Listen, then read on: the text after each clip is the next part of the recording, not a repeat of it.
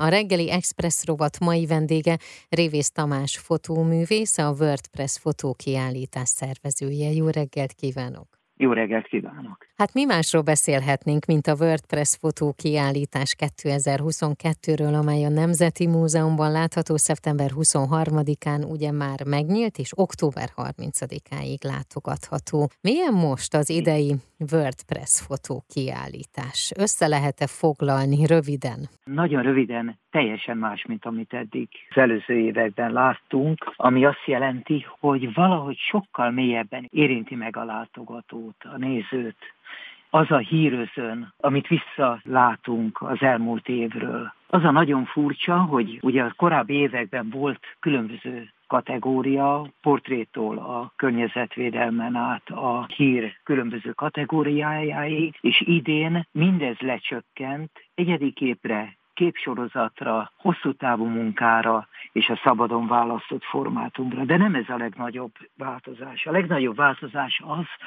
hogy ez egy éves pályázat, amire beérkezik közel 100 ezer, 60-70 ezer kép egészen biztosan, és az eddigi rendszer az volt, hogy volt egy globális zsűri, akit meghívtak Amsterdamba, és ott 15-20 szerkesztő, riporter, a szakma elismert képviselői megpróbálták a kategóriák szerint eldönteni, hogy mi az, ami a legfontosabb, a legszínvonalasabb reprezentációja valamilyen eseménynek. Idén ez a globális zsűri nem szűnt meg, de megelőzte a regionális zsűri, ami azt jelenti, hogy minden földrészen volt egy regionális zsűri, uh-huh. és minden földrészről beküldött képet azok döntöttek el. Ez azt jelenti, hogy Magyarország is szerepelt a regionális zsűriben Virágvölgy István részvételével, aki a Kapa Központnak a kurátora, akik azt döntötték el, hogy ezen a földrészen mi volt a legjelentősebb esemény. De ez még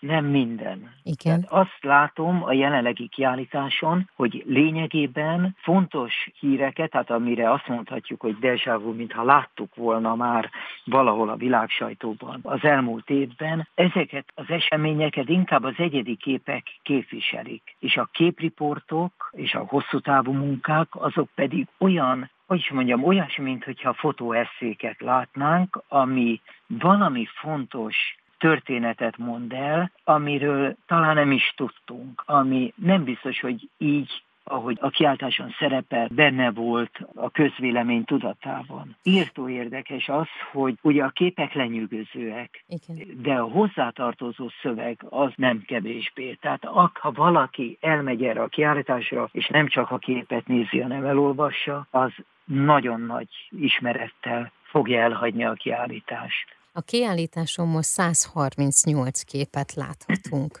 Ezt a kiállítást a klímaválság, a uh-huh. környezetvédelem, az emberi jogok kérdései foglalkoztatták, már mint a fotoriportereket, és úgy látszik a zsűriket is. Ezek izgatták. Tényleg nagyon izgalmas eseményekre kerül fény. Például ebben az évben a WordPress most már 70 éves a története, de ez az első olyan év, amikor az év képén például nem szerepel ember, ami hát egy megtöbbentő Igen. dolog, mert, mert ugye azért az igazi sajtófotónál azt gondoljuk, hogy annak egy nagyon erős, szimbolikus és nagyon erős érzelmi kisugárzása kell, hogy legyen. És akkor ezt legtöbbször azért mégiscsak emberi gesztus vagy emberi jelenet tudja visszaadni. Uh-huh. És nem úgy történt ebben az évben, és ráadásul ez egy olyan történet, ami ugyan az elmúlt évben került napvilágra, maga a történet, de hát az esemény, amiről szól, az a 19.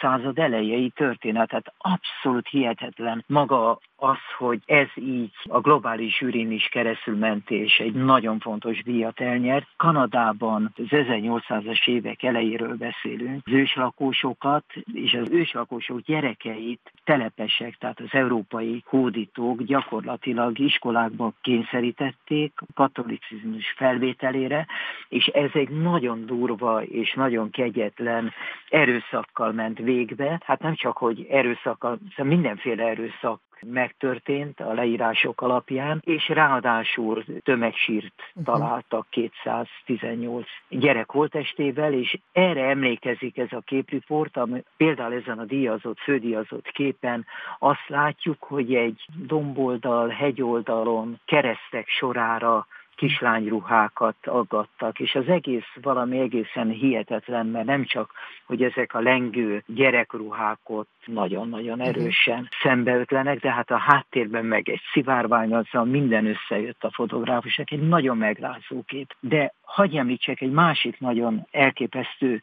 szintén egy hosszú távú munkáról van szó. Okay nikaraguai történetről beszélnék, aminél nem tudok nem felidézni azt az érzést, amikor a, a gyerekeimet kézenfogva vittem az iskolába. Tehát még mindig érzem, ha erre gondolok a, az ő puha mhm. kezüket. Ebben a történetben a, a lényeg az, hogy 12 millió gyerek szülei és a gyerekek sem biztosak abban, hogy az iskola végén hazakerülnek. Az történik ugye még ma is, hogy a Boko Haram rendszeresen rabol el gyerekeket, akár osztályokat, akár féliskolákat, és a történetnek az egyik fő indító képe egy könnyező gyerek, aki ezt a rablást megúszta, és az összes többi kép az a gyerekek hiányát mutatja, az üres iskolát, az ott hagyott settiben elvesztett papucsokat, tehát egy nagyon-nagyon megrázó kép. Mindenképpen érdemes elmenni és megnézni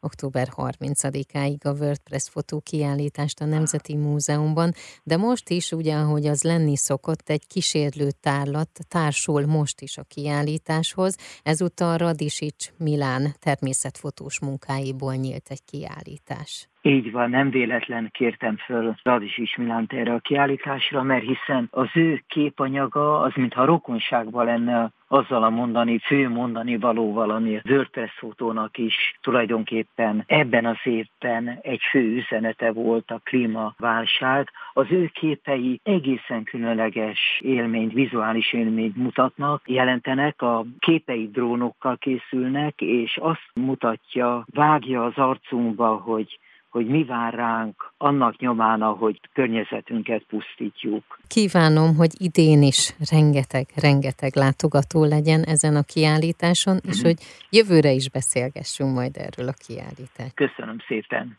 A Reggeli Express mai vendége Révész Tamás fotóművész volt, a WordPress fotókiállítás szervezője.